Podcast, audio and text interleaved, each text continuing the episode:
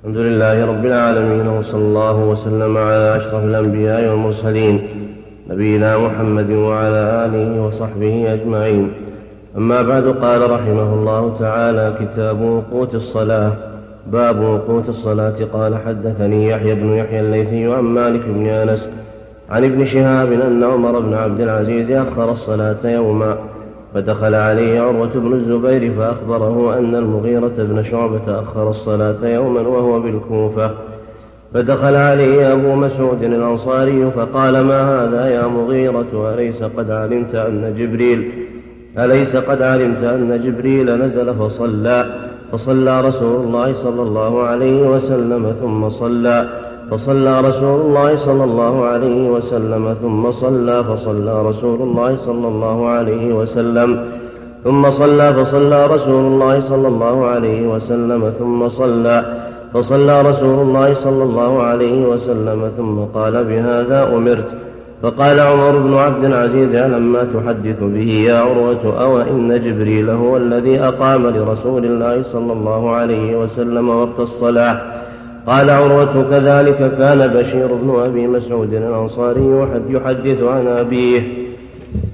قال عروة ولقد حدثتني عائشة زوج النبي عائشة زوج النبي صلى الله عليه وسلم أن رسول الله صلى الله عليه وسلم كان يصلي العصر والشمس في حجرتها قبل أن تظهر. وحدثني يحيى عن مالك والمعنى, أنه صلى الله عليه وسلم وقت له جبرائيل الصلوات الخمس وهذا مبسوط في روايات كثيرة. صلى به في أول وقت صلى به في آخر وقت في الأوقات الخمسة. ثم قال الصلاة بين هذين الوقتين. وكان النبي صلى الله عليه وسلم بعد ذلك في المدينة يبين للناس هذا التوقيت. لما سئل عن ذلك صلى بهم في أول وقت يوما ثم اليوم الثاني صلى بهم في آخر وقت ثم قال الصلاة بين هذين الوقتين. وكان صلى الله عليه وسلم يصلي الظهر إذا زالت الشمس. والعصر والشمس نقية واضحة مرتفعة والمغرب إذا غابت الشمس والعشاء إذا غاب الشفق والفجر إذا طلع الفجر.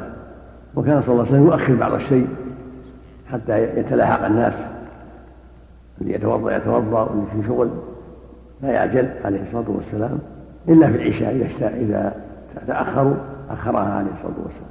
وإلا في شدة الحر كان كان يؤخر عليه الصلاة والسلام حتى ينكسر الحر.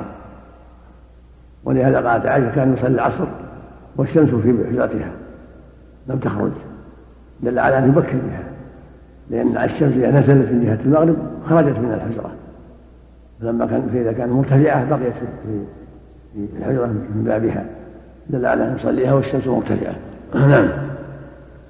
قال وحدثني يحيى عن مالك عن زيد بن أسلم عن عطاء بن يسار أنه قال جاء رجل إلى رسول الله صلى الله عليه وسلم فسأله عن وقت صلاة الصبح فقال فسكت عنه رسول الله صلى الله عليه وسلم حتى إذا كان من الغد صلى الصبح حين طلع الفجر ثم صلى الصبح من الغد بعد أن أسفر. ثم قال أين السائل عن وقت الصلاة؟ قال ها أنا ذا يا رسول الله. فقال ما بين هذين وقت؟ وحدثني يحيى عن مالك عن يحيى بن سعيد عن عمرة بنت عبد الرحمن عن عائشة زوج النبي صلى الله عليه وسلم. أنها قالت إن كان رسول الله صلى الله عليه وسلم ليصلي الصبح فينصرف النساء متلفعات بمروطهن ما يعرفن من الغلس. وحدثني عن مالك عن زيد بن أسلم عن عطاء بن يسار وعن بسر بن سعيد وعن الأعرج كلهم يحدثونه عن أبي هريرة أن رسول الله صلى الله عليه وسلم قال من أدرك ركعة من الصبح قبل أن تطلع الشمس فقد أدرك الصبح ومن أدرك ركعة من العصر قبل أن تغرب الشمس فقد أدرك العصر. وهذا يبين أن العصر يمتد إلى غروب الشمس وأن وقت الصبح يمتد إلى طلوع الفجر إلى طلوع الشمس. لكن السنة التبكير أن يصلي الفجر بغلس واختلاط بين الصبح وظلمة الليل. لا يبكر بها الغلس كله ولكن بين بين. ولهذا في حديث أبي بردة كان يصلي بهم كان يصلي من الصلاة حين يعرف الرجل جليسه من الصبح من نور الصبح. وهكذا العصر. صلي والشمس مرتفعه وثبت في حديث عمر عن عبد الله بن عمرو أن العصر ينتهي وقتها الاختياري إلى أن تصفر الشمس ثم يبقى وقتها الضروري إلى غروب الشمس. من أدرك ركعة من العصر قبل الغروب فقد أدرك الوقت. وهكذا في الصبح قبل طلوع الشمس قد أدرك الوقت. لكن ليس له التأخير إلى هذا. لا يجوز له يتعمد. تأخير بل يجب عليه أن يصلي في الوقت قبل طلوع الشمس وقبل غروب الشمس. يجب أن يبادر بالعصر قبل أن تصفر ويجب أن يبادر بالصبح قبل أن يكون خطر طلوع الشمس. والسنة يبكر المغرب في العصر حتى قبل يبكر بالعصر حين ارتفاع الشمس. في السماء كنت مرتفعة وفي الصبح حين يتضح الصبح لكن قبل زوال الغلس الصبح واضح مع وجود بعض الغلس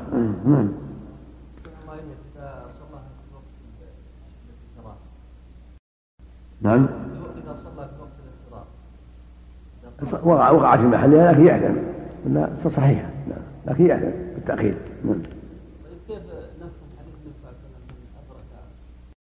يعني أدرك يعني أدركها في الوقت. جمع بين النصوص. ليس له يؤخر لكن إذا أدركها فقد أدرك الوقت. ما صلىها خارج الوقت. لكن قول صلى الله عليه وسلم في الحديث وقت العصر إلى أن تصفر الشمس يدل على أنه لا يجوز التأخير. لكن لو أخر أثم وهي في الوقت. وحدثني عن مالك عن نافع مولى عبد الله بن عمر أن عمر بن الخطاب كتب إلى عماله إن أهم امركم عند الصلاة فمن حفظها وحدثني وحدثني عن مالك عن نافع مولى عبد الله بن عمر رضي الله عنهما أن عمر بن الخطاب كتب إلى عماله إن أهم امركم عند الصلاة فمن حفظها وحافظ عليها حفظ دينه ومن ضيعها فهو لما سواها ضيع ثم كتب أن صلوا الظهر إذا كان الفيء ذراعا إلى أن يكون ظل أحدكم مثله والعصر والشمس مرتفعة بيضاء نقية. قدر ما يسير الراكب فرسخين أو ثلاثة قبل غروب الشمس والمغرب إذا غربت الشمس والعشاء إذا غاب الشفق إلى ثلث الليل. فمن نام فلا نامت عينه فمن نام فلا نامت عينه فمن نام فلا نامت عينه. والصبح والنجوم بادية مشتبكة. وحدثني عن مالك. نافع لم يدرك عمر لكن هذا مما اشتهر. نافع بن عمر لم يدرك عمر. ولكن هذا ما اشتهر ولهذا نقله شافع وجزم به إن الرسول إن عمر كتب إلى عماله إلى امرائه رضي الله عنه وأرضاه. إن أهم امركم يقول له إن أهم امركم عند الصلاة. ومن حفظها حفظ دينه ومن ضيعها فهو لما سواها ضياع وهذا يفيد انه واجب على أمراء المسلمين على أعيان المسلمين على علمائهم أن يعلموا بهذا الأمر. حتى يهتم المسلمون بذلك وحتى يؤدوها في الوقت وحتى يحذروا التكاسل عنها والتثاقل. من حفظها وحافظ عليها استقام عليها حفظ دينه. هي عمود الاسلام ومن أضاعها أضاع دينه.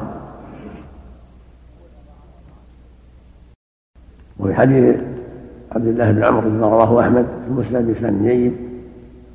النبي صلى الله عليه وسلم قال فذكر صلى يوما بين الاصحاب فقال من حفظ من حافظ عليها كانت له كان له نورا وبرهانا ونجاة يوم القيامة. ومن لم يحافظ عليها لم يكن له نور ولا برهان ولا نجاة. وكان يوم القيامة مع فرعون وهامان وقارون وأبي بن خلف قال الذهبي رحمه الله وجماعة إنما يحشر مع هؤلاء من ضيع الصلاة لأنه من ضيعها من أجل الرياسة شابه فرعون. فيحشر معه يوم القيامة إلى النار. وإن ضيعها من أجل الوزارة والوظيفة شابه هامان وزير فرعون. يحشر معه إلى النار يوم القيامة. وإن أضاعها من أجل المال والشهوات شابه قارون الذي خسف الله به وبداية الأرض. لما صده ماله وشغله ماله عن اتباع الحق. يحشر معه يوم القيامة إلى النار. وإن أضاعها من أجل التجارة والمعاملات والبيع والشراء شابه أبي بن خلف تاجر أهل مكة الذي قتل يوم أحد قتله النبي صلى الله عليه وسلم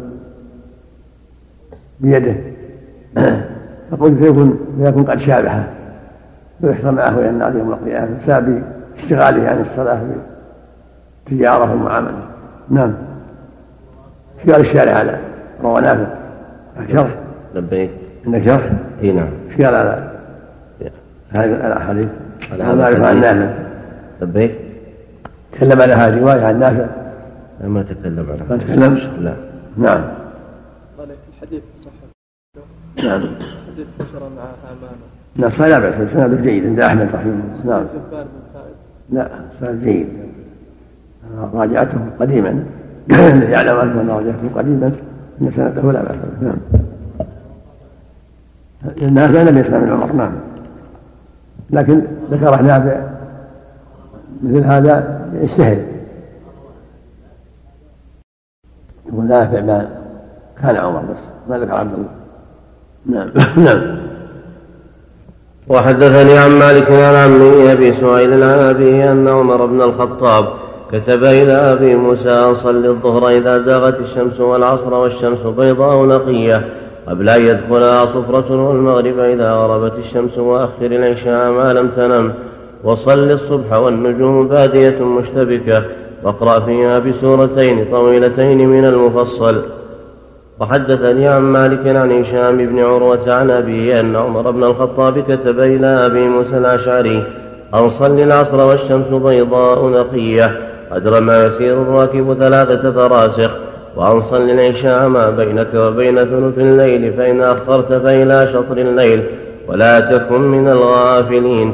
وحدثني عن مالك عن يزيد بن زياد عن عبد الله بن رافع مولى أم سلمة زوج النبي صلى الله عليه وسلم أنه سأل أبا هريرة عن وقت الصلاة فقال أبو هريرة أنا أخبرك صل أنا فقال أبو هريرة أنا أخبرك صل الظهر إذا كان ظلك مثلك والعصر إذا كان ظلك مثليك والمغرب إذا غربت الشمس والعشاء ما بينك وبين ثلث الليل وصل الصبح بغبش يعني الغلس وحدثني عن مالك عن إسحاق بن عبد الله بن أبي طلحة عن أنس بن مالك أنه قال كنا نصلي العصر ثم يخرج الإنسان إلى بني عمرو بن عوف ويجدهم يصلون العصر حدثني عن مالك عن ابن شهاب عن أنس بن مالك أنه قال كنا نصلي العصر ثم يذهب الذاهب إلى قباء فيأتيهم والشمس مرتفعة.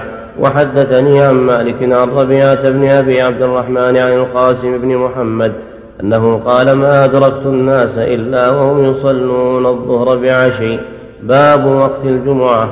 حدثني يحيى عن مالك عن عمه أبي سهيل بن مالك. نعم. أما بعد قال الإمام مالك رحمه الله تعالى حدثني يحيى عن مالك عن عمه أبي سهيل بن مالك عن أبيه أنه قال كنت أرى طنفسة لعقيل بن أبي طالب يوم الجمعة تطرح إلى جدار المسجد الغربي فإذا غشي الطنفسة كلها ظل الجدار خرج عمر بن الخطاب وصلى الجمعة قال مالك والد أبي سهيل ثم نرجع بعد صلاة الجمعة فنقيل قائلة الضحى. وحدثني عن مالك عن عمرو بن يحيى المازني عن ابن أبي سليط أن عثمان بن عفان صلى الجمعة بالمدينة وصلى العصر بملل قال مالك وذلك للتهجير وسرعة السير. باب من أدرك ركعة من الصلاة. حدثني يحيى عن مالك عن ابن شهاب عن أبي سلمة بن عبد الرحمن عن أبي هريرة أن رسول الله صلى الله عليه وسلم قال من أدرك ركعة من الصلاة فقد أدرك الصلاة. وحدثني عن مالك عن نافع أن عبد الله بن عمر بن الخطاب كان يقول إذا فاتتك الركعة فقد فاتتك السجدة. وحدثني عن مالك أنه بلغه أن عبد الله بن عمر وزيد بن ثابت كانا يقولان من أدرك الركعة فقد أدرك السجدة. وحدثني يحيى عن مالك أنه بلغه أن أبا هريرة كان يقول من أدرك الركعة فقد أدرك السجدة ومن فاتته قراءة أم القرآن فقد فاته خير كثير. باب ما الأحاديث الصحيحة كلها دالة على أن الصلاة تدرك بالركعة فإذا جاء وصلى الإمام ركعة يوم الجمعة فقد أدرك الصلاة يصلي ركعة ثانية يقضيها تحسب له جمعة. أما إذا جاء وقد ركع الإمام فإنه لا يصلي جمعة يصلي ظهرا لأنها فاتته الجمعة. إنما تدرك الصلاة بركعة واحدة. والصلاة إنما والجمعة إنما الصلاة بعد زوال الشمس. هكذا جاءت الأحاديث الصحيحة. الصلاة بعد زوال الشمس. وذهب بعض أهل العلم إلى جوازها قبل الزوال لأحاديث جاءت فيها فيها بعض الإطلاق. بالزوال الحديث ما كنا نقيل ولا نتغدى إلا بعد الجمعة. وما في معنى ذلك ولكن ليس بصريح. والأحاديث الصريحة كلها دالة على أنه كان يصليها بعد الزوال. كحديث النكوع وغيره كان إذا زالت الشمس صلىها عليه الصلاة والسلام. كالظهر سواء. فوقتها وقت الظهر. الصواب أنها لا تصلى إلا بعد الزوال لكن من صلىها قبل الزوال؟ لخلاف المشهور في هذا صح الصلاة إذا كان في الساعة السادسة قرب الزوال. ولكن الأحوط للمؤمن أن يخرج أن يبتعد عن ذلك فإن الجمهور على أنها لا تصح إلا بعد بعد الزوال. ذهب أحمد من مفردات مذهبه أنها تجوز قبل الزوال ولكنه قول مرجوح. ما يحفظ للمؤمن أن لا يصليها أبدا إلا بعد الزوال. لكن لو صلىها من اجتهد وأخذ بقوله صحت صلاته. لأجل شبهة من من تعلق ببعض الأحاديث التي جاءت في هذا وما يروى عن الصديق وعن عمر أنهم ما صلى إياها قبل الزوال. لكن المؤمن يحتاط لدينه ويأخذ بالأحاديث الصحيحة الدالة على أنه ما كان يصليها إلا بعد الزوال عليه الصلاة والسلام لكنه يبكر بها كان يصليها من تزول الشمس عليه الصلاة والسلام ثم يذهبون إلى قائله. إذا كان الظهر سواء نعم. الله شيخ. لو بدأ قبل الزوال الصواب أنه يؤجل حتى تزول الشمس الخطبة وغيرها كلها بعد الزوال. نعم. الله عليك شيخ. المأموم إذا كان لا يرى الصحة نعم. المأموم إذا كان لا يرى صحة الخطبة قبل الزوال والإمام يرى ذلك. صلي معهم صلي معهم الجمعة وإذا احتاط وصلى ظهرا ما في بأس احتياطا. صلي معهم. صلوا يوم الصوم يوم تصومون والإفطار يوم تصومون صلي معهم. لا لا يخل بالجمعة لأنه قول قوي له قوته وله حظه من النظر. نعم. باب ما جاء في دلوك الشمس ووسق الليل. حدثني يحيى عن مالك عن نافع أن عبد الله بن عمر كان يقول دلوك الشمس ميلها. وحدثني عن مالك عن داود بن الحصين قال أخبرني مخبر أن عبد الله بن عباس كان يقول دلوك الشمس إذا فاء الفيء وغسق الليل اجتماع الليل وظلمته. باب جامع الوقود. هذا شارع يقول يجي العقل الصلاة دلوك الشمس. دلوكها زوالها إلا غسق الليل يدخل فيه المغرب والعشاء. وأما الدلوك يدخل فيه الظهر والعصر كله بعد الزوال. أوله للظهر وآخره للعصر. نعم. باب جامع الوقوت. حدثني يحيى عن مالك عن نافع عن عبد الله بن عمر أن رسول الله صلى الله عليه وسلم قال الذي تفوته صلاة العصر كأنما وتر أهله وماله. وحدثني عن مالك عن يحيى بن سعيد أن عمر بن الخطاب انصرف من صلاة العصر فلقي رجلا لم يشهد العصر. فقال عمر ما حبسك عن صلاة العصر؟ فذكر له الرجل عذرا فقال عمر طففت. قال يحيى قال مالك ويقال فقال له عمر. فقال له عمر إيش؟ فقال عمر طففت. نعم. قال يحيى قال مالك ويقال لكل شيء وفاء وتطفيف. وحدثني عن مالك عن يحيى بن سعيد أنه كان يقول إن المصلي ليصلي الصلاة وما فاته وقتها ولما فاته من وقتها أعظم أو أفضل من أهله وماله. قال يحيى قال مالك من أدرك الوقت وهو في سفر فأخر الصلاة ساهيا أو ناسيا حتى قدم على أهله أنه إن كان قدم على أهله وهو في الوقت فليصلي صلاة المقيم. وإن كان قد قدم وقد ذهب الوقت فليصلي صلاة المسافر لأنه إنما إنما يقضي مثل الذي كان عليه. قال مالك. قال يحيى. حدثنا. وحدثني عن مالك عن يحيى بن سعيد أنه كان يقول إن المصلي ليصلي الصلاة وما فاته وقتها. ولما فاته من وقتها أعظم أو أفضل من أهله وماله.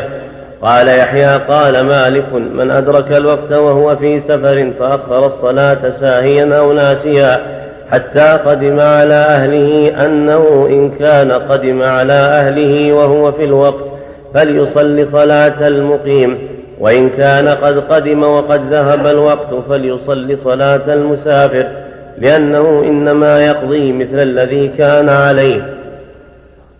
والصواب أنه يصلي صلاة المقيم لأن حكم السفر زال فيصلي صلاة المقيم أربعة إذا قدم البلد. مثل ما أنه إذا خرج من البلد وهو مقيم يصلي صلاة المسافر ولو وجبت عليه البلد.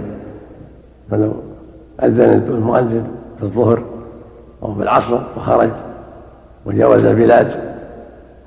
فإنه يصلي صلاة مسافر كان النبي صلى الله عليه وسلم صلى الظهر في مكة في المدينة في حديث الوداع أربعا ثم خرج وصلى في ذي الحليفة ركعتين.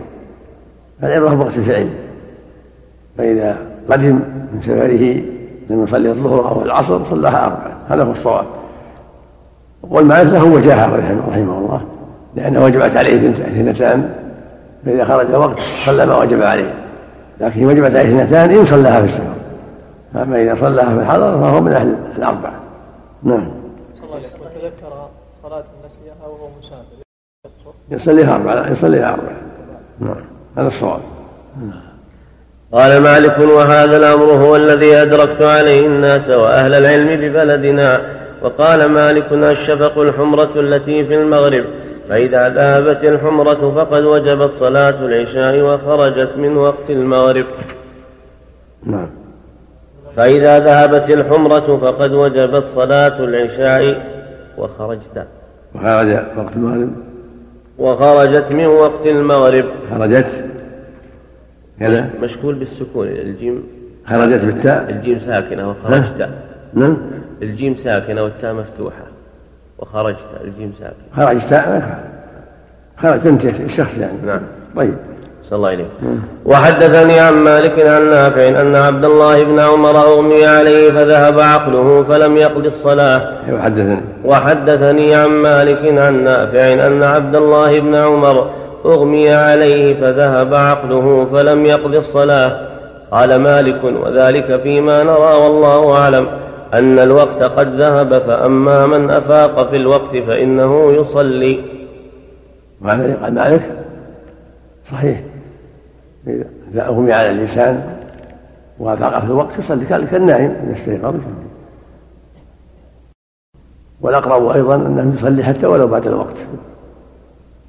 لأنه شبه النوم الإغماء القليل قد يأخذ يوم يومين هذا شبه النوم. أو ثلاث النهاية ثلاث. فإذا استيقظ يقضي ما ترك وقال قوم إذا زاد على اليوم لا يقضي لأنه بعد عن شبه النوم صار أشبه بالجنون فلا يقضي. والمغمى عليه بين النائم والمجنون. فإن طالت المدة فالحق بالمجنون ولا قضاء عليه وإن قصرت فالحق بالنائم. والثلاث اعتبرها الشارع في أوقات كثيرة في مسائل كثيرة اعتبرها الشارع. ثلاث. فالأقرب والله أعلم أنه إن أفاق قبل الثلاث صلى قضاء كالنائم وإن طالت المدة فلا قضاء عليه.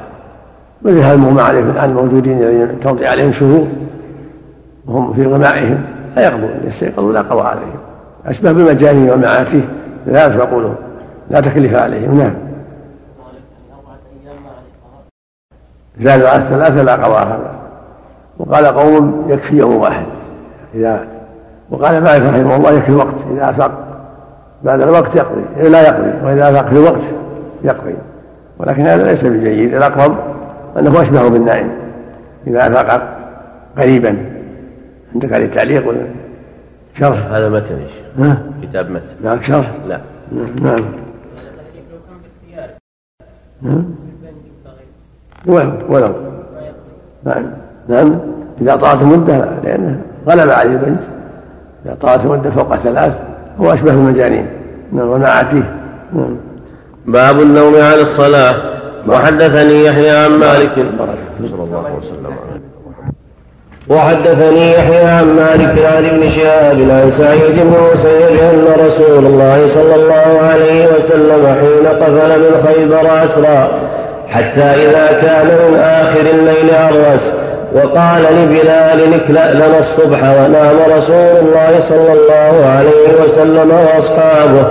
وكلا بلال ما قدر له ثم استند إلى راحلته وهو مقابل الفجر فغلبته عيناه. فلم يستيقظ رسول الله صلى الله عليه وسلم ولا بلال. ولا أحد من الركب حتى ضربتهم الشمس.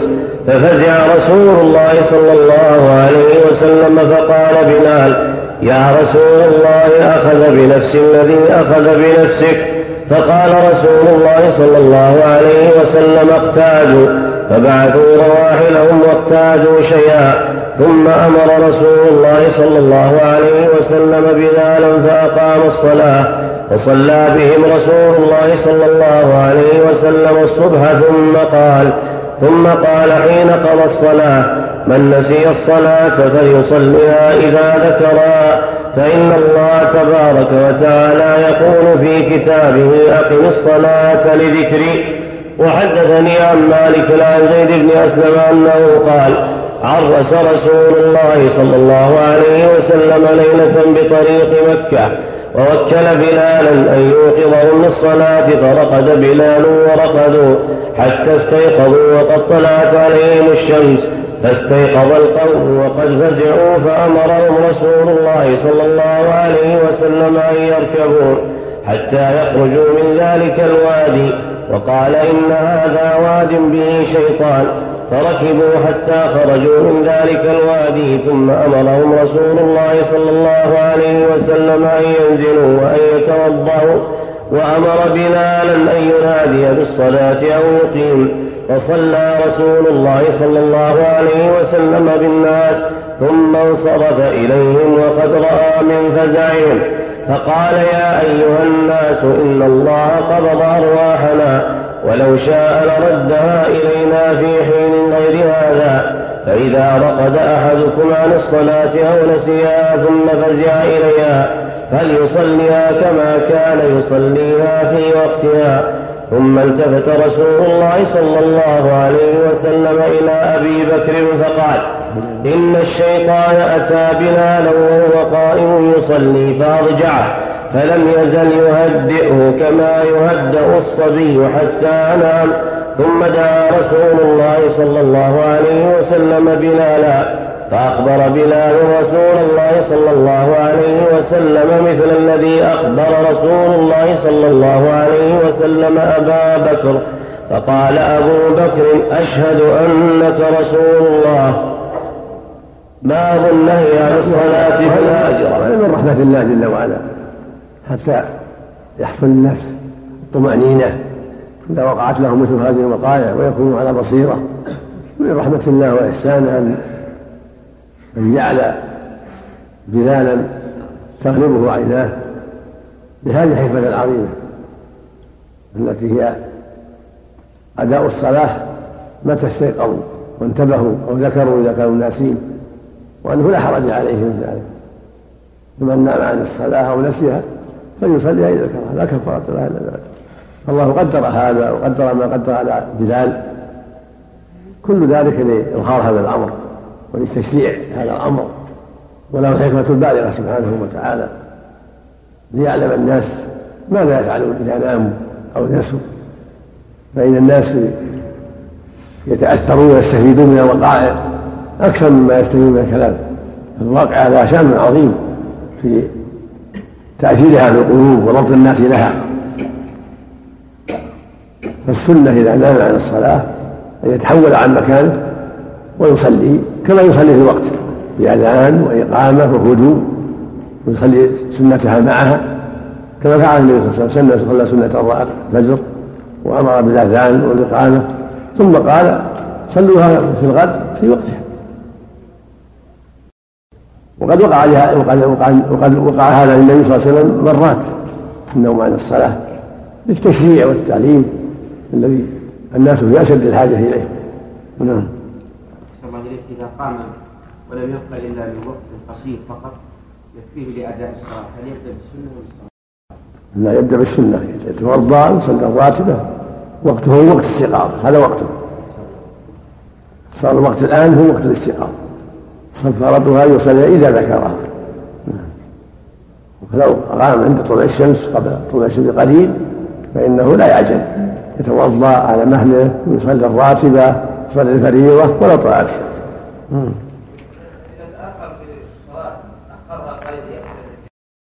نعم. الواجب عليه ذلك المبادرة إذا استيقظ أو ذكر يبادر حتى لا ينسى مرة أخرى يبادر بالوضوء يبادر بالصلاة نعم. عليك يا شيخ. لو استيقظ وقد أقيمت صلاة الجماعة يبدأ بالسنة ولا الجماعة؟ يصلي مع الناس ثم يصلي الراتب. يقول الصلاة لا يصلي الراتب. ليس هذا وقت يا شيخ. لكن مأمور يصلي جماعة مع الناس. شيخ ليس إدراك الوقت أولى من إدراك الجماعة؟ لا الجماعة أهم. الراتبة نافلة. الراتبة نافلة. يقول الراتبة نافلة والفريضة أهم. فإذا جاء الناس يصلون صلي كبر معهم. النبي يقول إذا أقيمت الصلاة فلا صلاة إلا المكتوبة. يدخل معهم الراتبة بعدين يصليها بعد طلوع الشمس. هذا الذي استيقظ في آخر الوقت. نعم. نقول الذي استيقظ في آخر الوقت. نقول أدرك الفرض في الوقت. لا لا هذا الوقت كله صار واسع ما صار وقت محدود بطلوع الشمس وقته كله واسع. حتى يتوضأ على مهل ويصلي الراتب على مهل ما عاد محدد بطلوع الشمس. لأنه غير غير مفرد نايم أو ناسي نعم. نعم.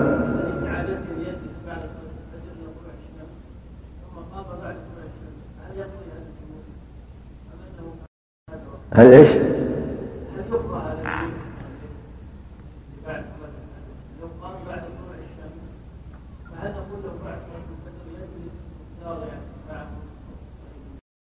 لا لا ما مضى مضى الوقت أو مضى وقته لا أو مضى الوقت إذا صلى الفجر بعد طلوع الشمس انتهى.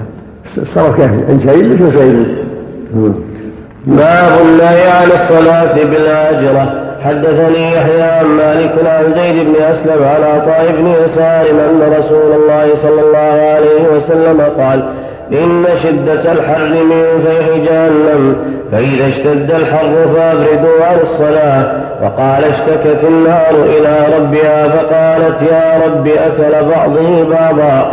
فأذن لها بنفسين في كل عام نفس في الشتاء ونفس في الصيف. وحدثنا مالك عن عبد الله بن يزيد مولى الأسود بن سفيان عن أبي سلمة بن عبد الرحمن وعن محمد بن عبد الرحمن بن ثوبان عن أبي هريرة أن رسول الله صلى الله عليه وسلم قال إذا اشتد الحر فأبردوا عن الصلاة فإن شدة الحر من فيح جهنم وذكر أن النار اشتكت إلى ربها فأذن لها في كل عام بنفسين نفس في الشتاء ونفس في الصيف. وحدثني عن مالك عن أبي الزناد عن الأعرج عن ابي هريرة أن رسول الله صلى الله عليه وسلم قال إذا اشتد الحر فأبردوا عن الصلاة فإن شدة الحر من فيح جهنم. باب النهي عن دخول المسجد بريح الثوم وتغطية الفم. حدثني يحيى عن مالك عن ابن شهاب عن سعيد بن المسيب أن رسول الله صلى الله عليه وسلم قال من أكل من هذه الشجرة فلا يقرب مساجدنا يؤذينا بريح الثوم وحدثني عن مالك عبد الرحمن بن المجبر أنه كان يرى سالم بن عبد الله إذا رأى الإنسان يغطي إذا رأى الإنسان يغطي فاه وهو يصلي جبل الثوب عن فيه جبلا شديدا حتى ينزعه عن فيه. هذا الشيء؟ أثر هذا أثر سالم هذا الشيء هذا تعريف محمد عبد محمد فؤاد عبد الباقي. ومن أكل هذه الشجرة يعني الثوم فيه مجاز لأن المعروف لغة حدثنا إيش؟ ارفع الصوت لبيك. ارفع الصوت حدثنا بعد وحدثني عن مالك عن عبد الرحمن بن المجبر. هذا الشيء كلام تعليق يسير. يصور ارفع الصوت بالتعليق. مثل مثل الدرس بس إن شاء الله. ارفع الصوت نعم. كلام عليه كلام على عبد الرحمن بن إن شاء الله.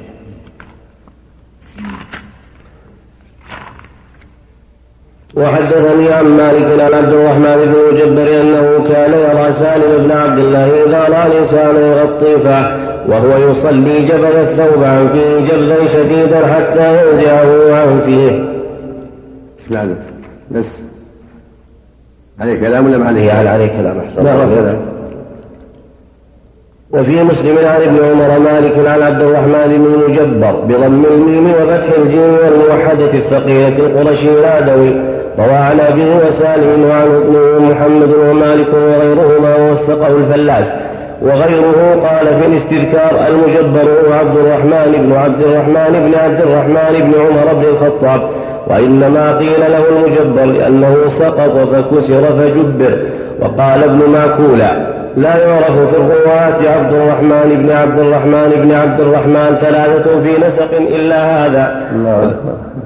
وذكر الزبير بن بكر أن أباه عبد الرحمن الأصغر مات وهو حمل فلما ولد سمته حفصة باسم أبيه وقالت لعل الله يجبره. وقال في الاستيعاب كان لعمر ثلاثة أولاد كلهم عبد الرحمن أكبرهم صحابي والثاني يكنى أبا شحمة. وهو الذي ضربه أبوه في الخمر والثالث والد المجبر بالجيم والموحدة الثقيلة. أنه كان يرى سالم بن عبد الله ابن عمر أحد الفقهاء إذا, إذا رأى الإنسان يغطي فهو وهو يصلي جبد الثوب عن فيه جبدا بجيم وموحدة ومعجمة شديدة. شديدا لأنه أبلغ في تعليمه حتى ينزعه عن فيه. قال المجد الجبد الجلب وليس مقلوبة بل لغة صحيحة أوهم الجوهري وغيره كالاجتبال والفعل كضرب ففعل سالم وهو من الفقهاء السبعة. دليل على أن كراهة تغطية الفم في الصلاة كان أمرا مقررا عندهم بالمدينة. هذا من اجتهاد من اجتهاد سالم وهو احد الفقهاء السبعة. ويتعين لأنه يستحب للمؤمن أن يباشر المصلى وجهه والفم من الوجه السنة أن يباشر من غير أن يجعل على فمه شيء. ثم أيضا هذا الذي يجعل الفم قد يعوقه هذا التسبيح والدعاء قد يعوقه أو يضعفه بعض الشيء. فلا شك أن فعل هذا مكروه خلاف السنة. ولهذا كان سالم يجلده يزيله عنه. حتى يباشر بفمه المصلى وحتى يكون ذلك أيضا أعون له على الذكر والدعاء. نعم. كتاب الطهارة باب العمل في الوضوء. حدثني يحيى عن مالك. صلى الله عليه وسلم أما بعد قال الإمام مالك رحمه الله تعالى العمل في الوضوء. وحدثني يحيى عن مالك عن عمر بن يحيى المازني عن أبيه أنه قال لعبد الله بن زيد بن عاصم وهو جد عمرو بن يحيى المازني وكان من أصحاب رسول الله صلى الله عليه وسلم. اللهم صل عليه وسلم. هل تستطيع أن تريني كيف كان رسول الله صلى الله عليه وسلم يتوضأ؟ فقال عبد الله بن زيد بن عاصم نعم. فدعا بوضوء فأفرغ على يده فغسل يديه مرتين مرتين ثم تمضمض واستنثر ثلاثا ثم غسل وجهه ثلاثا ثم غسل يديه مرتين مرتين إلى المرفقين ثم مسح رأسه بيديه فأقبل بهما وأدبر بدا بمقدم رأسه ثم ذهب بهما إلى قفاه ثم ردهما حتى رجع إلى المكان الذي بدا منه ثم غسل رجليه وحدثني عن مالك عن أبي الزناد عن الأعرج عن أبي هريرة أن رسول الله صلى الله عليه وسلم قال إذا توضأ أحدكم فليجعل في أنفه ماء ثم لينثر ومن استجمر فليوتر. وحدثني عن مالك عن ابن شهاب عن أبي إدريس الخولاني عن أبي هريرة أن رسول الله صلى الله عليه وسلم قال من توضأ فليستنثر ومن استجمر فليوتر. قال يحيى سمعت مالكا يقول في الرجل يتمضمض ويستنثر من غرفة واحدة أنه لا بأس بذلك. وهذا جاءت في السنة. مضمضة في الاستنشاق غرفة واحدة. جاءت في السنة وإذا غرف فلا بأس. لكن السنة يتمضمض ويستنشق غرفة واحدة ثلاث مرات. وإن اقتصر على واحدة فلا حرج. ثبت عنه صلى الله عليه وسلم أنه توضأ مرة مرة ومرتين مرتين وثلاثا ثلاثا. الأفضل ثلاث إلا في المسح إلى الرأس مسحة واحدة مع الأذنين. والبقية الأفضل فيها ثلاث ثلاث الوجه اليدان القدمان وفي حديث عبد الله بن زيد الدلالة على جواز الاختلاف في الأعضاء يغسل بعضها ثلاثا وبعضها اثنتين لا حرج. كما يجوز أن يغسل بعضها اثنتين وبعضها واحدة بعضها ثلاث وبعضها واحدة واحدة بعضها اثنتين كل هذا لا حرج. فيه لأن الواجب مرة ومرة يغسل وجهه مرة يتمرض مرة يستنشق مرة هذا الواجب. يغسل يديه مرة مرة هذا الواجب. يمسح رأسه مرة واحدة هذا في السنة. يغسل رجليه كذلك مرة واحدة يجزي. لكن إذا كرر غسل وجهه ويديه ورجليه ثنتين صار أفضل. وثلاث صار أفضل وأكمل. وإن فرق بينهما فغسل بعضها ثنتين وبعضها ثلاث وبعضها واحدة وبعضها ثنتين كل ذلك لا حرج به الحمد لله. نعم. وحدثني عن مالك أنه بلغه أن عبد الرحمن بن أبي بكر قد دخل على عائشة زوج النبي صلى الله عليه وسلم يوم مات سعد بن أبي وقاص. فدعا بوضوء فقالت له عائشة يا عبد الرحمن أسبغ الوضوء فإني سمعت رسول الله صلى الله عليه وسلم يقول ويل للأعقاب من النار. وحدثني عن مالك عن يحيى بن محمد عن يحيى بن محمد بن طحلاء عن عثمان بن عبد الرحمن أن أباه حدثه أنه سمع عمر بن الخطاب يتوضأ بالماء لما تحت إزاره. أنه أنه سمع عمر بن الخطاب يتوضأ بالماء لما تحت إزاره. قال يحيى سئل ذلك أنه سمع كذا؟ أنه سمع. أو رأى؟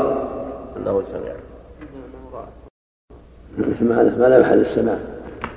عندهم رأى هو الصواب نعم؟ ما لا محل. رأى الصواب رواية رأى ما يقال رأى إنه إيش؟ رواية أنه سمع. نعم. الاشياء ما تكذب من تعلق ما ما الله نبه عليه. مشي إلا الصواب رأى نسخة رأى أصلا. نعم. نعم. والشرح نعم قال شيء. حدثه أنه سمع عمر بن الخطاب يقول يتوضأ أن يتطهر بالماء لما تحت إزاره كناية عن موضع الاستنجاء تأدبا أي أنه أنه سمع؟ حدثه أنه سمع عمر بن الخطاب يقول يقول. نعم. طيب. يقول طيب. هذا في الشرح. طيب. سقطت يقول. عند المسجد. يقول إيش؟ من الشرح؟ إيه يقول إيه؟ أنه سمع عمر بن الخطاب يقول يتوضأ ويتطهر بالماء لما تحت إزاره كناية عن موضع الاستنجاء تعجبا أي أنه بالماء أفضل منه بالحجر. وبين السنة لا سبع أولى. لأن هو برأيه يغسل فرجه يرى عورته. لا رواية سمح هنا بس سقط يقول. مقصوده ان ان إن عمر يقول ينبغي أن يتوضأ يعني الافضل يتوضأ لما تحت رجاله أفضل من الاستجمار يعني يغسل دبره وفرجه بالماء لأنه أنقى. والامر واسع إن شاء إن شاء استجمر بالحجارة وإن شاء استنجى بالماء. كله جائز الحمد لكن الماء أفضل وأكمل. وقد ثبت في حديث أنس رضي الله عنه أنه خرج مع النبي صلى الله عليه وسلم بماء فلما فرغ من قضاء حاجته استنجى بالماء عليه الصلاة والسلام. والحجاره بحمد الله جاء كافيه كما قال الله من استجمر فليوتر قد يجزي أحد من هذه الغرض أن يستجمر بثلاثه احجار هو مخير. إن شاء غسل غسل بالماء وإن شاء استجمر بالحجارة وإن شاء جمع بينهما. والجمع بينهما أكمل. لكن لا ينقص عن ثلاثة أحجار لا بد من ثلاثة أكثر ولا بد من إنقاء المحل. مع الثلاثة لا بد من إنقاء المحل. من أثر البول والغائب نعم.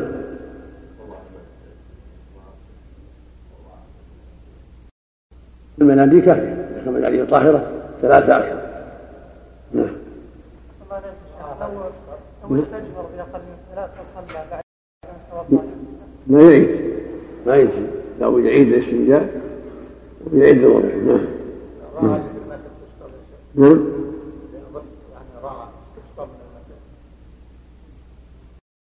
سمع صلى الله عليه وسلم سمع. إيه نعم. سمع يقول. نعم.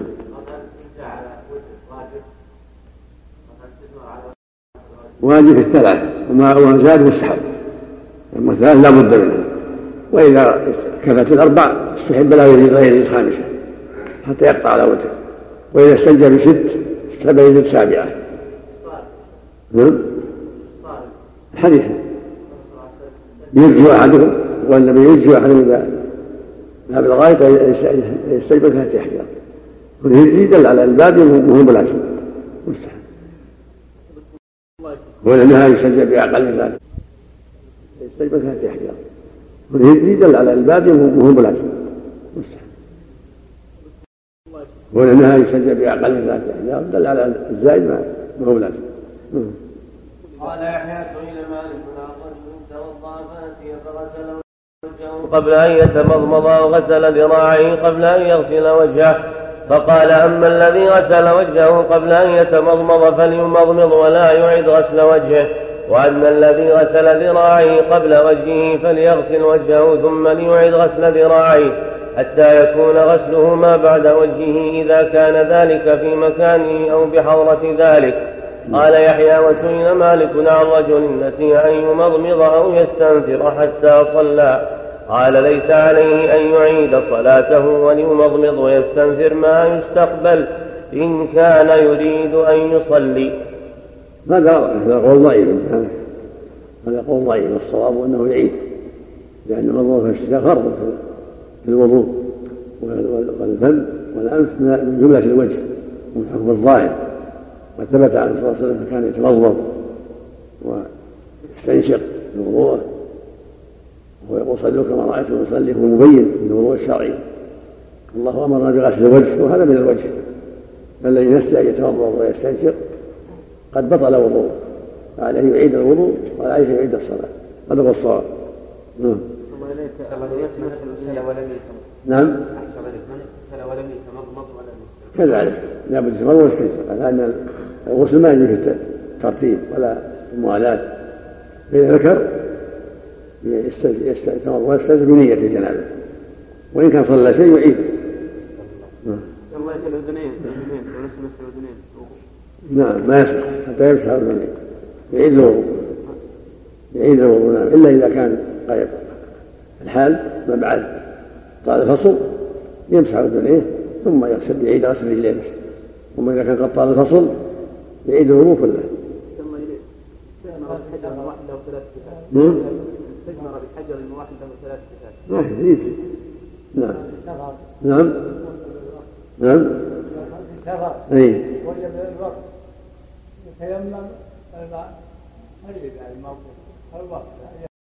إذا كان ما موجود لا لا يجوز التيمم لا يتيمم يتيمم. يتيمم ويصلي في الوقت. أول وقت أفضل له. يتيمم ويصلي بالتيمم أفضل. ولا يأخر لآخر وقت نعم؟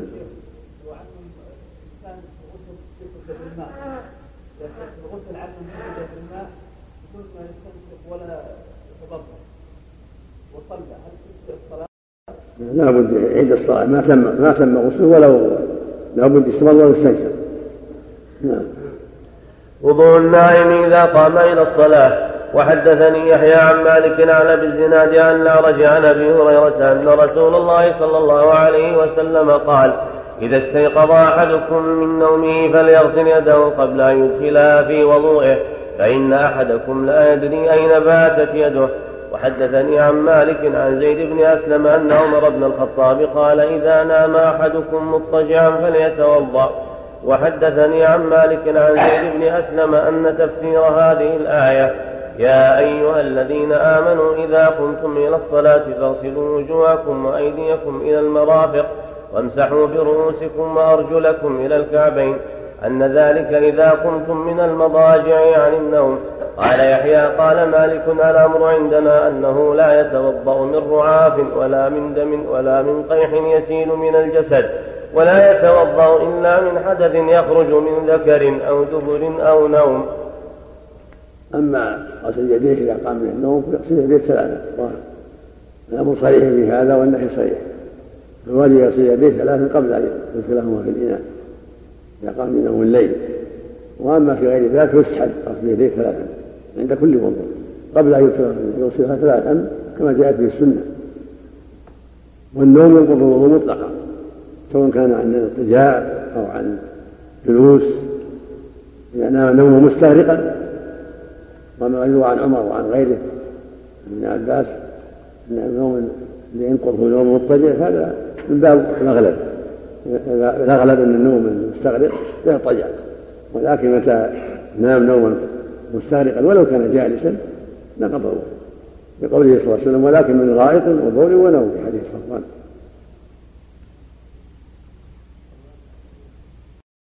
فالواجب على المؤمن في هذه المسائل أن يعتني بما دلت عليه السنة الصحيحة الواضحة ولا يتساهل بالرخص التي قد تفضي به إلى مخالفة السنة. نعم. وأما هذا فهي مسألة خلاف. الريح والصديد والرعاف إن كان يسيرا فلا حرج. لا وضوء من ذلك. كان بعض الصحابة يمسح الدم من عينه من اضراسه يتوضأ من عنده سير قد يعفى عنه.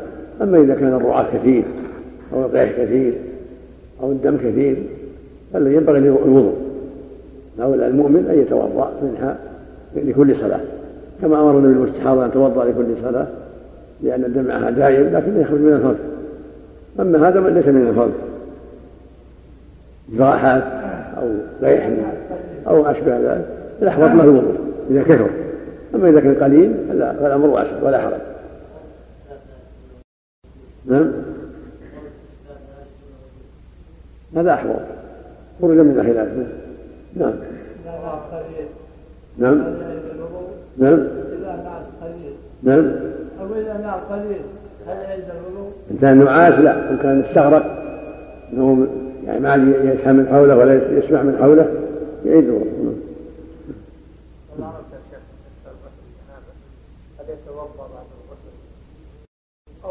يكفي الوضوء. السنة الوضوء قبل الغسل. يتوضأ ثم يغتسل هكذا كان النبي يفعل عليه الصلاة والسلام. نعم. وحدثني عن مالك. نعم.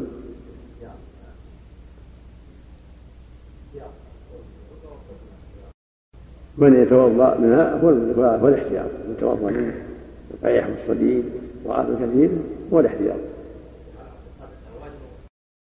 هل نظر؟ القول بمن يتوضا منها احتياطا واضح أما القليل يعفى عنه والوجوب محل نظر. نعم. وحدثني عن مالك عن نافع أن ابن عمر كان ينام جالسا ثم يصلي ولا يتوضأ. لعله كان ما ما يستعمل في نومه.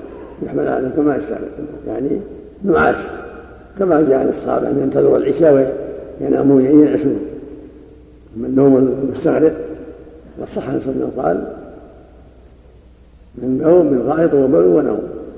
نعم.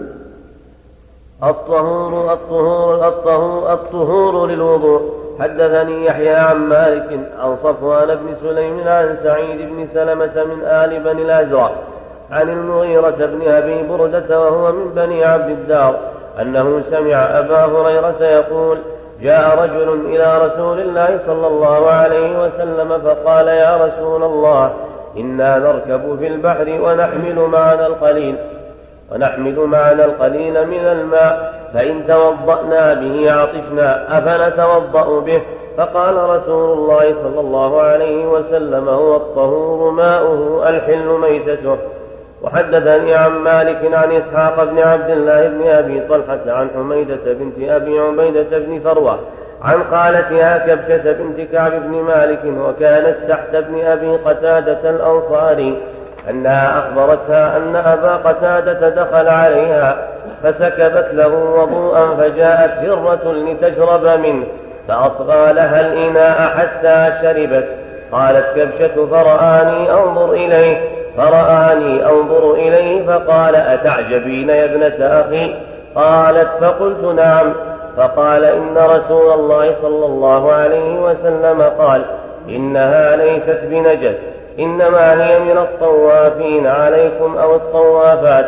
قال يحيى قال مالك لا بأس به إلا أن يرى على فمها نجاسة.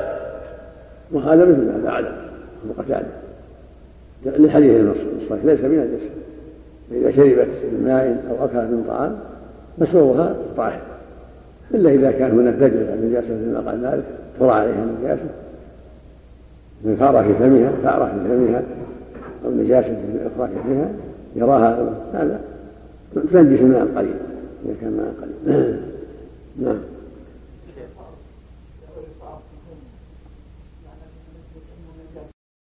نجح ثأرها نجس. وحدثني نعم. نعم. وحدثني عن مالك عن يحيى بن سعيد بن محمد بن إبراهيم عن محمد بن إبراهيم بن الحارث التيمي عن يحيى بن عبد الرحمن بن حاطب أن عمر بن الخطاب خرج في ركب فيهم عمرو بن العاص حتى وردوا حوضا فقال عمرو بن العاص لصاحب الحوض يا صاحب الحوض هل ترد حوضك السباع؟ فقال عمر بن الخطاب يا صاحب الحوض لا, لا تخبرنا. فإنا نرد على السباع وترد علينا. وحدثني هذا عن هو الأصل. الأصل في الحياض التي في البراري ظهره. يتوضا منها ويشرب منها ولو ورد السباع تحمل.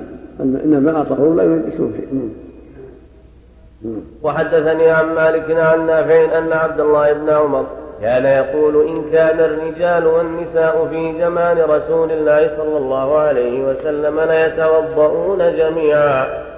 باب ما لا يجب منه الوضوء. بارك. وهذا يدل على الجواز إذا توضأ الإنسان مع زوجته أو تغتسل فالماء طهر. لكن الأفضل لا يتوضأ بفضلها ولا يغتسل بفضلها. أما إذا اغتسلا جميعا فلا كان يغتسل جميعا مع زوجته. المسلمون كذلك والرجل يغتسل مع زوجته ويتوضأ معها لا حرج لكن الفضلة تركها أولى. فضلته وفضلتها جميعا. لكن إذا دعت الحاجة إلى الفضلة اغتسل بها ولا بأس ولا حرج. من فضلتها وفضلته. ولكن إذا تيسر غيرها فهو أفضل. نعم. عاد. الحديث الصحيح.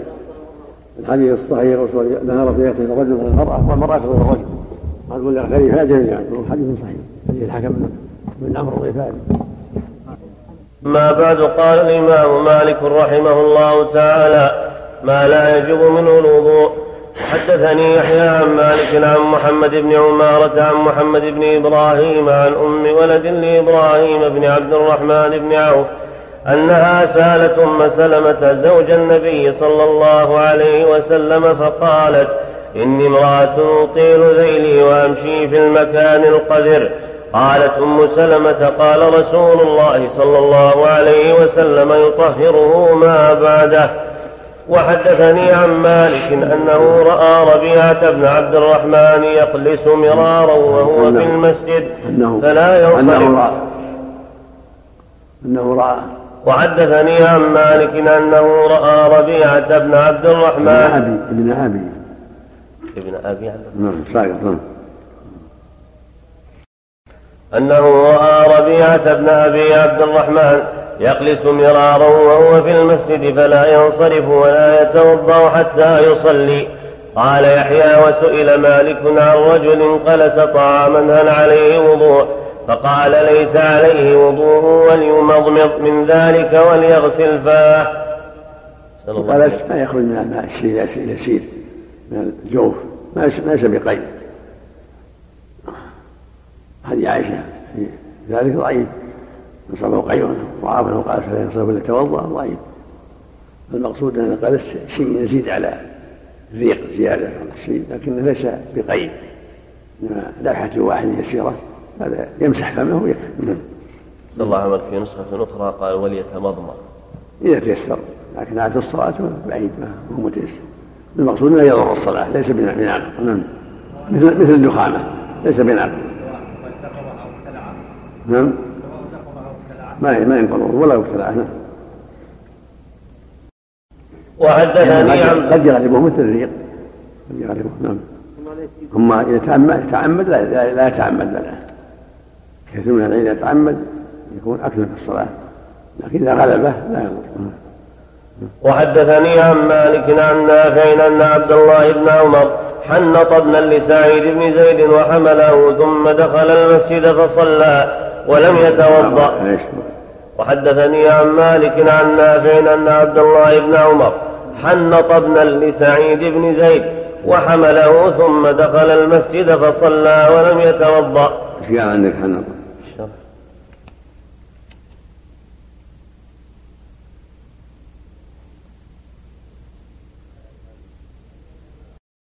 ذلك عن تكلم على حنطة نعم أحسن حنط بفتح المهملة والنون الثقيلة والطاء المهملة أي طيب بالحنوط وهو كل شيء خلط من الطيب للميت خاصة. ابنا اسمه عبد الرحمن كما في رواية الليث عن نافع عن العلاء بن موسى بن الجهم. إيش؟ مثل ما في الحديث الصحيح ولا تحنطوه. يعني إذا مات محرما تحنطوه لا تطيبوه. نعم. نعم. كونه مس الطيب الطيب لا مشروعة مس الطيب لا يضر. نعم. وسئل مالك هل في القيء وضوء. قال لا ولكن ليتمضمض من ذلك وليغسل فاه وليس عليه وضوء. ترك الوضوء مما مسته النار. وهذا القيء بس خلاف. هل ينقض الوضوء أم لا؟ الناس من الحقة النواقض إذا فحش إذا كثر ومنهم من لم يلحقه وجعله كسائر ما يخرج من الجسد من المياه التي غير الدبر والقبول كالعرق وأشباهه والبصاق والمخاط فلا ينقض الوضوء والأحوط الوضوء خروجا من الخلاف إذا كثر. أما إذا كان قلس يعني قليل فلا ينقض الوضوء وليس فيه وضوء ولا احتياط. أما إذا كثر والقيء رابطه كونه يخرج مرة بعد مرة وهو مرة كان مرة هذا يسمى إذا كان مرة بعد مرة هو قيء يعني يصب من فمه مرة بعد مرة. فالأحوط فيه الوضوء. نعم. نعم.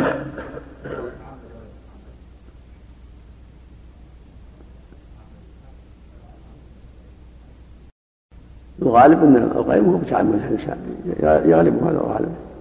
لكن من من قال لا ينقض الوضوء الظاهر لا فرق. ومن قال ينقض لا فرق الظاهر لا فرق سواء تعمد ولا لم يتعمد. والقي هو الذي يتكرر يعني مرتين أو ثلاث مرة هو القلش.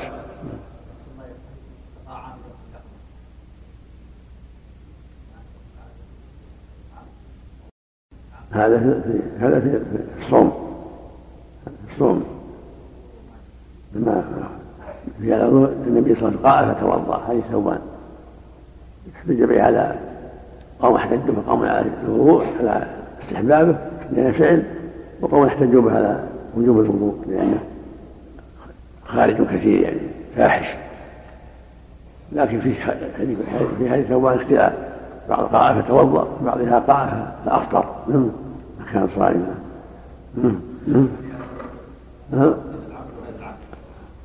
على خلاف. نعم.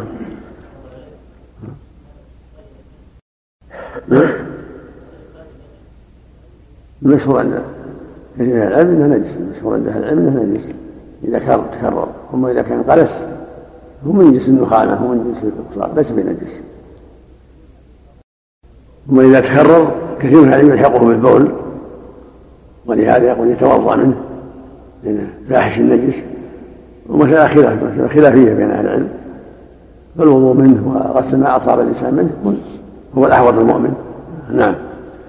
ترك الوضوء مما مستة النار حدثني يحيى عن مالك عن زيد بن أسلم عن عطاء بن يسار عن عبد الله بن عباس أن رسول الله صلى الله عليه وسلم أكل كتف شاة ثم صلى ولم يتوضأ. وحدثني عن مالك عن يحيى بن سعيد عن بشير بن يسار مولى بني حارثة عن سويد بن النعمان. أنه أخبره أنه خرج مع رسول الله صلى الله عليه وسلم عام خيبر حتى إذا كانوا بالصهباء وهي من أدنى خيبر نزل رسول الله صلى الله عليه وسلم فصلى العصر ثم دعا بالأزواج فلم يؤت إلا بالسويق فأمر به فثري فأكل رسول الله صلى الله عليه وسلم وأكلنا. ثم قام إلى المغرب فمضمض ومضمضنا ثم صلى ولم يتوضأ. وهذا الذي على عن قول صلى الله عليه وسلم من أكل أكل فليتوضأ في في مسة النار للاستحباب. وليس للوجوب. ولهذا أمر بوضوء مسة النار وتركه فدل على أن الأمر ليس للوجوب ولكنه للاستحباب. وقال قوم إنه منسوخ. والأصل عدم النسخ لكنه للاستحباب. من توضأ فهو أفضل ومن ترك فلا بأس إذا أكل لحما أو غيره مما مسة النار. نعم. وحدثني عن مالك عن محمد بن المنكدر وعن صفوان بن سليم أنهما أخبراه عن محمد بن إبراهيم بن الحارث التيمي عن ربيعة بن عبد الله بن الهدير أنه تعشى مع عمر بن الخطاب ثم صلى ولم يتوضأ. وحدثني عن مالك عن ضمرة بن سعيد المازني عن أبان بن عثمان أن عثمان بن عفان أكل خبزا ولحما ثم مضمض وغسل يديه ومسح بهما وجهه ثم صلى ولم يتوضأ. وحدثني عن مالك أنه بلغه أن علي بن أبي طالب وعبد الله بن عباس كانا يتوضأان مما مست النار. نعم نعم عندي يتوضأ إيش؟ نعم وحدثني عن مالك أنه بلغه أن علي بن أبي طالب وعبد الله بن عباس كانا يتوضأان مما مست النار. إيش عندهم؟ لا يتوضأ. إيش قال الشارع؟ باب نعم باب ترك الوضوء مما مسته النار. إيه، ذكر هذا وهذا نعم. إيش قال الشرح؟ إيه. وعن مالك أنه بلغه أن علي بن أبي طالب أبا الحسن الهاشمي أمير المؤمنين كثير كثير الفضائل وعبد الله بن عباس كانا لا يتوضأان مما مست النار. ساقط عندك. ساقط عندك لا في المتن. الله صلح نعم. هو الموافق الترجمة نعم. وحدثني عن مالك عن يحيى بن سعيد أنه سأل عبد الله بن عامر بن ربيعة عن الرجل يتوضأ للصلاة ثم يصيب طعاما قد مسته النار أيتوضأ قال رأيت أبي يفعل ذلك ولا يتوضأ وحدثني يحيى عن مالك عن أبي نعيم وأبي بن كيسان أنه سمع جابر بن عبد الله الأنصاري يقول رأيت أبا بكر الصديق أكل لحما ثم صلى ولم يتوضأ. وحدثني عن مالك بن عن مالك عن محمد بن المنكدر أن رسول الله صلى الله عليه وسلم دعي لطعام فقرب إليه خبز ولحم. فأكل منه ثم توضأ وصلى ثم أتي بفضل ذلك الطعام. فأكل منه ثم صلى ولم يتوضأ. وحدثني عن مالك عن موسى بن عقبة عن عبد الرحمن بن يزيد الأنصاري أن أنس بن مالك قدم من العراق فدخل عليه أبو طلحة وأبي بن كعب فقرب لهما طعاما قد مسته النار. فأكلوا منه فقام أنس فتوضأ فقال أبو طلحة وأبي بن كعب ما هذا يا أنس؟ أعراقية? فقال أنس ليتني لما فعل وقام أبو طلحة وأبي بن كعب فصليا ولم يتوضأ. نعم.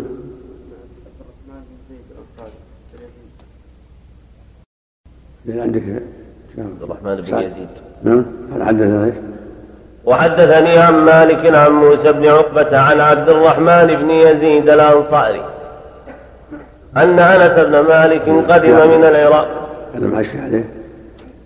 نعم في الشارع. إيه.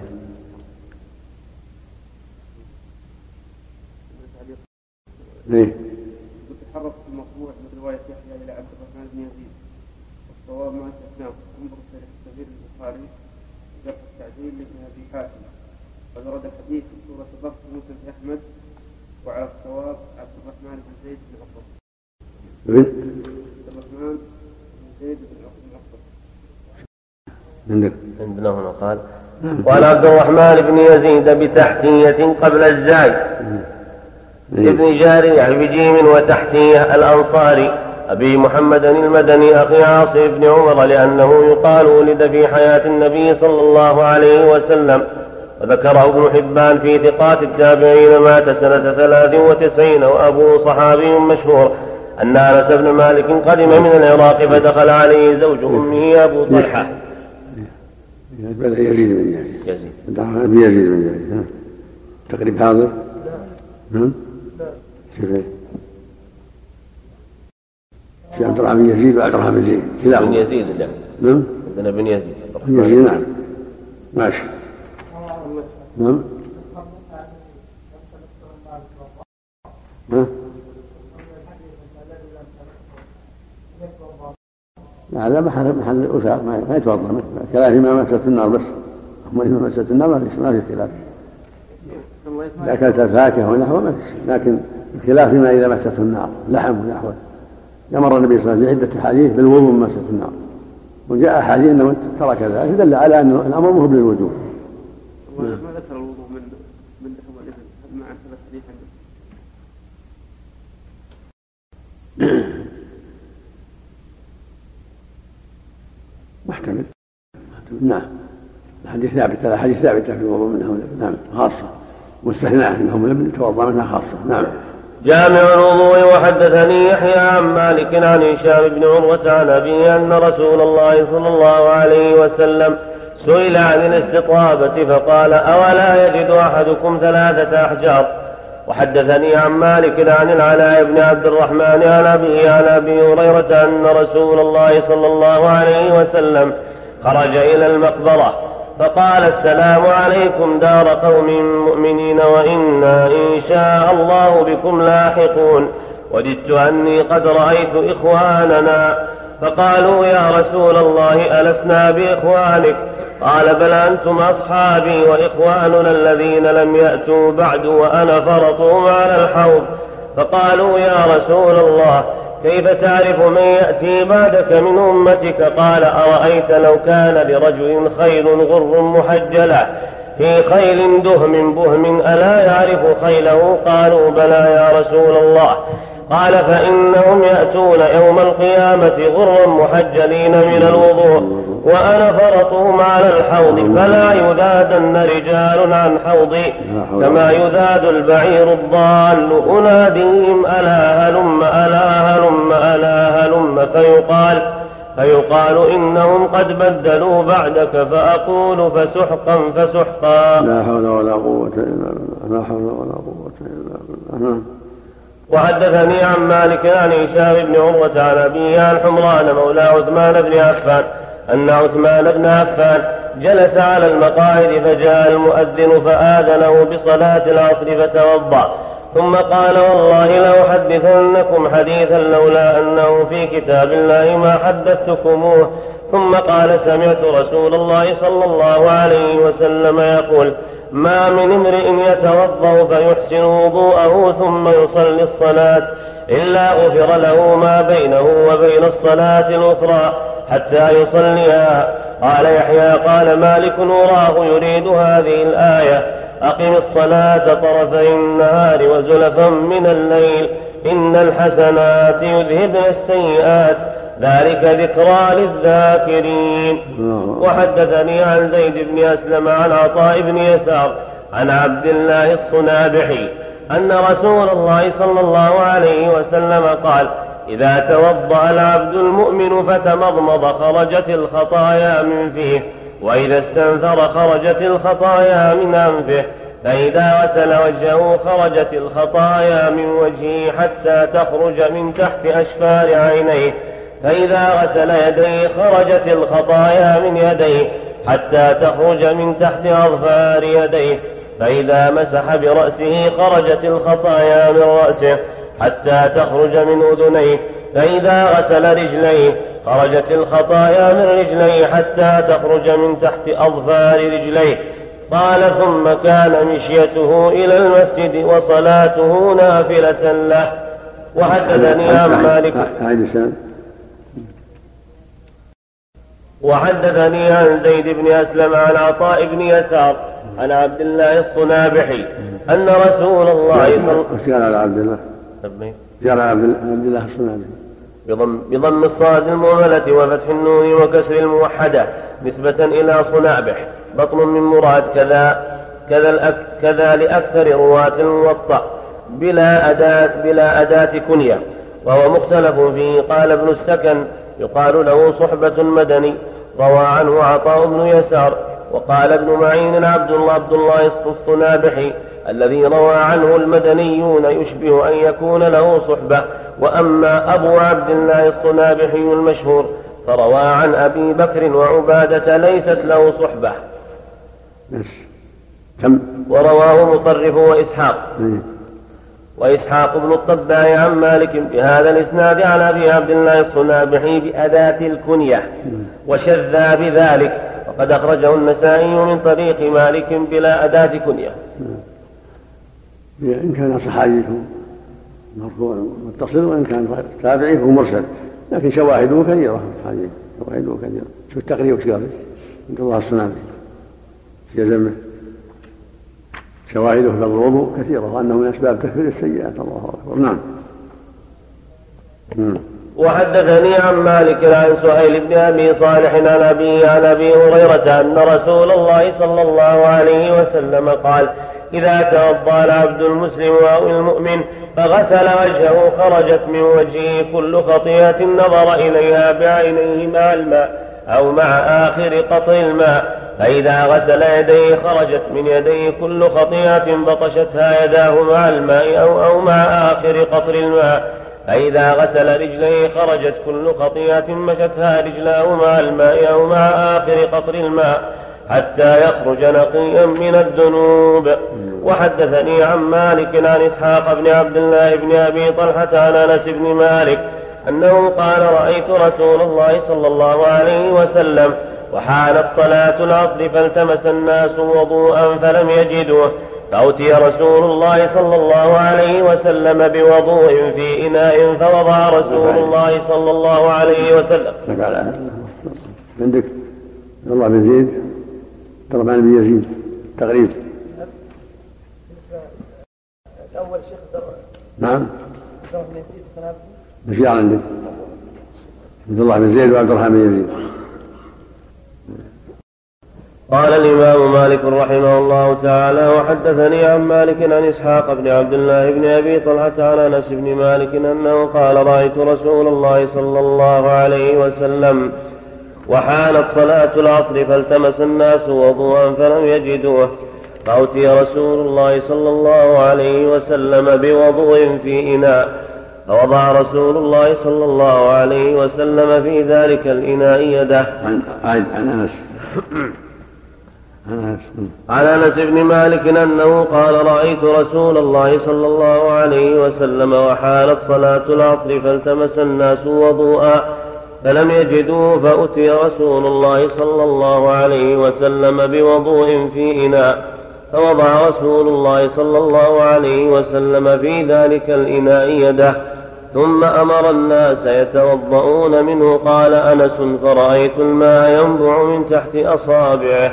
فتوضأ الناس حتى توضأوا من عند آخرهم وحدثني عن هذه من المعجزات العظيمة نبع الماء من بين أصابعه توضأ الناس من هذا الماء. من آيات الله العظيمة ومن معجزات نبيه عليه الصلاة والسلام. نعم الله أكبر الله أكبر. نعم. هذا في السفر.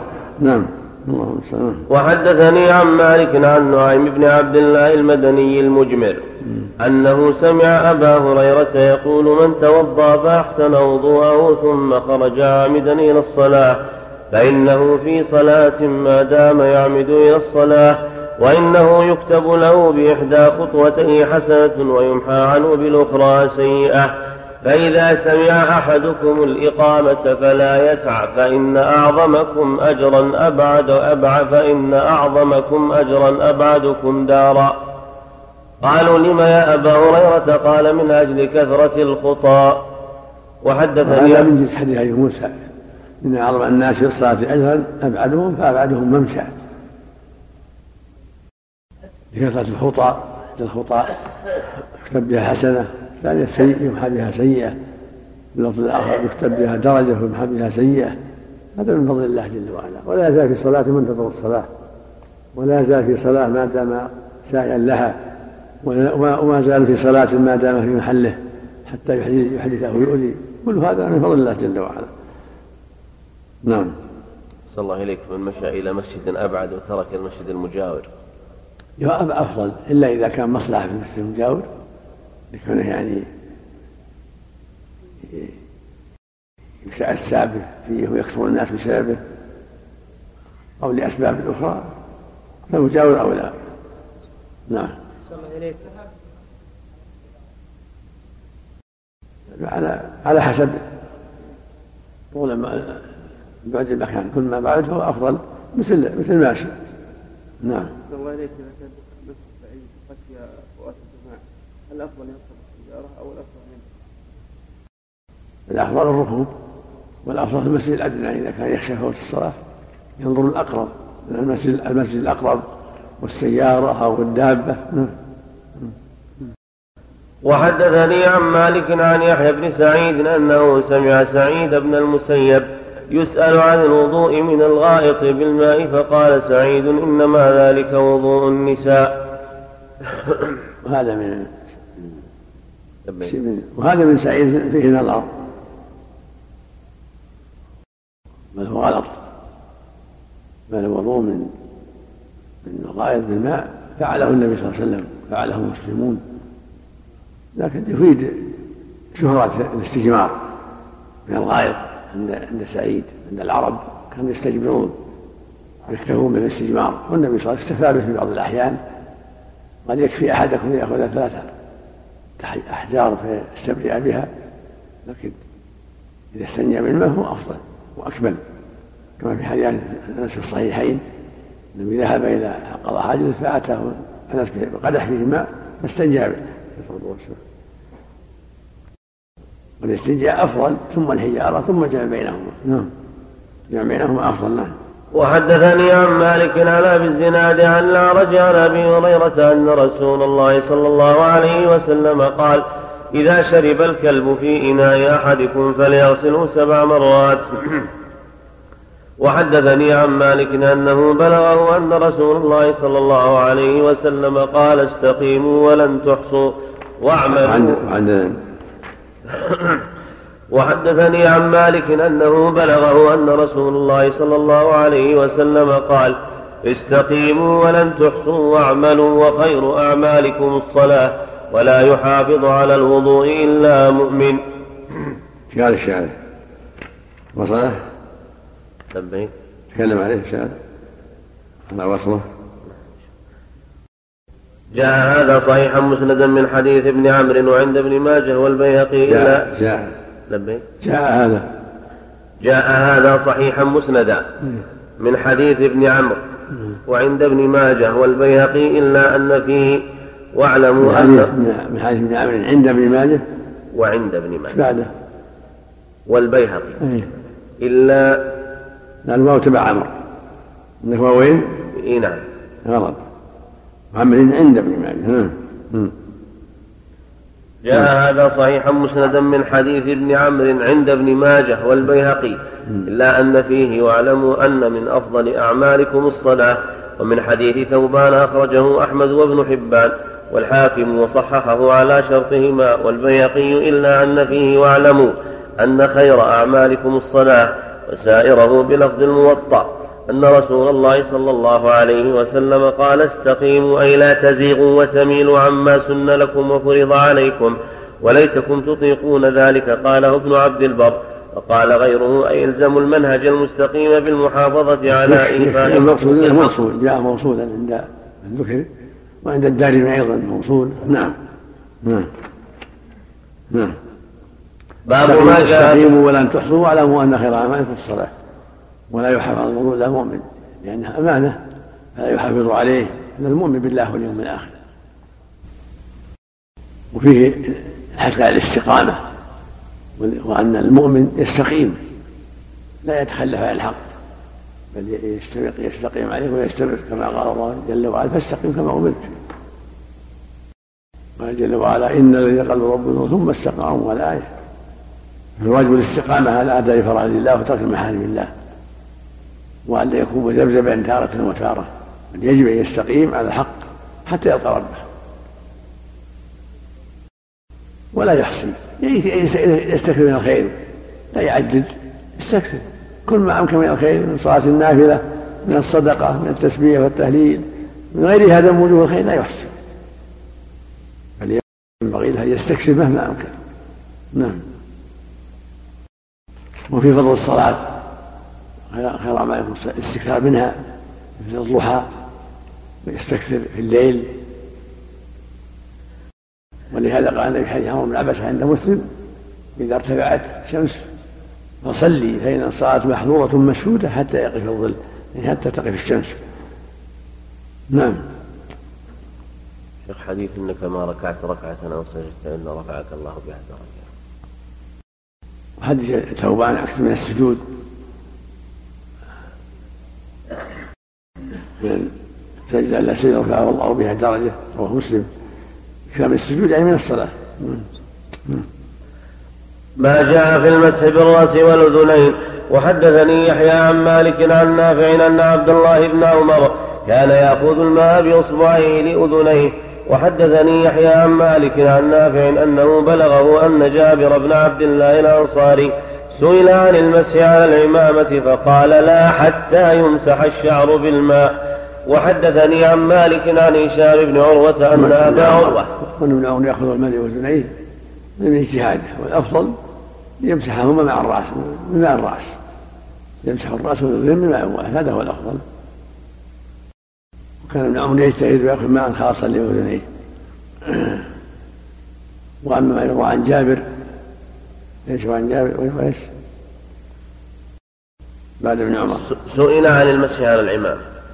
هذا ليس بثابت. الصواب أنه لا بأس بالمسح عليه كما رواه البخاري وغيره. رواه مسلم. مسح العمامة حق. كمسح الخفين. إذا لبسها على طهارة. نعم. في مسح على أثر على جابر. قال عيسى يقبض فقال لا حتى أن جابر بن عبد الله الأنصاري سئل عن المسح على الإمامة فقال لا حتى يمسح الشعر حتى يمسح حتى يمسح الشعر بالماء. لأن الله تعالى قال وامسحوا برؤوسكم والماسح على العمامة لم يمسح برأسه قال ابن عبد البر. روي عن النبي صلى الله عليه وسلم أنه مسح على عمامته من حديث عمرو بن أمية وبلال والمغيرة. وأنس وكلها معلولة وخرج البخاري حديث عمرو وقد بينا فساد إسناده في كتاب الأجوبة عن المسائل المستغربة من البخاري وأجاز المسح عليها أحمد والأوزاعي وداود وغيرهم للآثار وقياسا على الخفين ومنعه مالك والشافعي وأبو حنيفة لأن المسح على الخفين مأخوذ من الآثار لا من القياس ولو كان منه لجاز المسح على القفازين وقال الخطابي فرض الله مسح الرأس وحديث مسح العمامة العمامة محتمل للتأويل فلا يترك المتيقن للمحتمل وقياسه على الخف بعيد لمشقة نزعه بخلافها وتعقب بأن الآية لا تنفي الاقتصار على المسح لا سيما عند من يحمل المشترك على حقيقته ومجازه لأن من قال قبلت رأس فلان بص لأن من قال قبلت رأس فلان يصدق. ولو على حائل وبأن المجيزين الاقتصار على مسح العمامة شرطوا فيه مشقة نزعها كالخف ورد الأول بأن الأصل حمل اللفظ على حقيقته ما لم يرد نص صريح بخلافه والنصوص وردت عن النبي صلى الله عليه وسلم فعلا وأمرا بمسح الرأس فتحمل رواية مسح العمامة على أنه كان لعذر بدليل المسح على الناصية معها كما في مسلم. هذا ليس بجيد والصواب جواز مسح الإمامة. قد ثبته البخاري من حديث.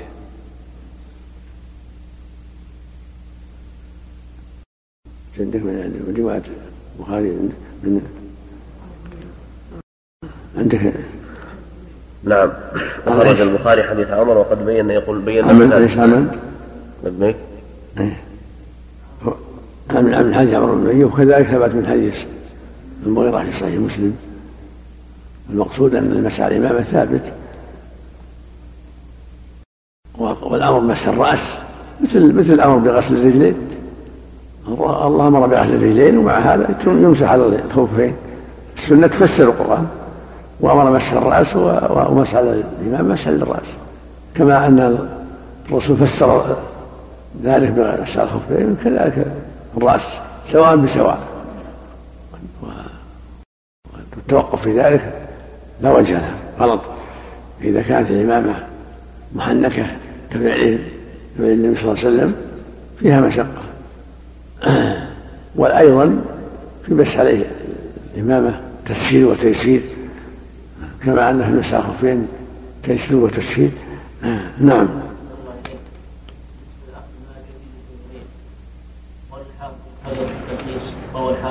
بإسناد ظاهر الصحة عن ابن عمر أن النبي عليه الصلاة والسلام كان يأخذ ماء جديدا ما يدل على أنه تفعل أحيانا المعروف أن لا يأخذ لرأسه ماء جديد هذا المحفوظ رواه مسلم. يأخذ لرأسه ماء جديدا أما لأذنيه فهو ضعيف. نعم. وحدثني نعم نعم. وحدثني عن مالك عن هشام بن عروة أن أبا عروة بن الزبير كان ينزع العمامة ويمسح رأسه بالماء. وحدثني عن مالك عن نافع أنه رأى صفية بنت أبي عبيد امرأة عبد الله بن عمر تنزع خمارها وتمسح على رأسها بالماء. ونافع يومئذ صغير وسئل مالك عن المسح على العمامة والخمار. فقال لا ينبغي أن يمسح الرجل ولا المرأة على عمامة ولا خمار وليمسح على رؤوسهما. وسئل مالك عن رجل توضأ فنسي أن يمسح على رأسه حتى جف وضوءه. فقال أرى أن يمسح برأسه وإن كان قد صلى أن يعيد الصلاة. يعيد الصلاة ويعيد الوضوء أيضا. لأنه بعد الفصل. فإذا ترك مسح الرأس ناسيا وجب أن يعيد الوضوء ويعيد الصلاة. أما لو ذكر حالا أعاد مسح مسح الرأس وأعاد غسل الرجلين. نعم لوجود الموالاة. نعم. إذا وضعت المرأة الحنة على رأسها وغطت الشعر تغطية كاملة تمسح على على الضمادات مثل ما قالت عائشة. كل ما يمسح على الضمادات. نعم الظاهر والأول يحطونها لتقوية الشعر وتحسين الشعر. نعم. ما جاء في المسح على الخفين بركة سم. بحث نعم.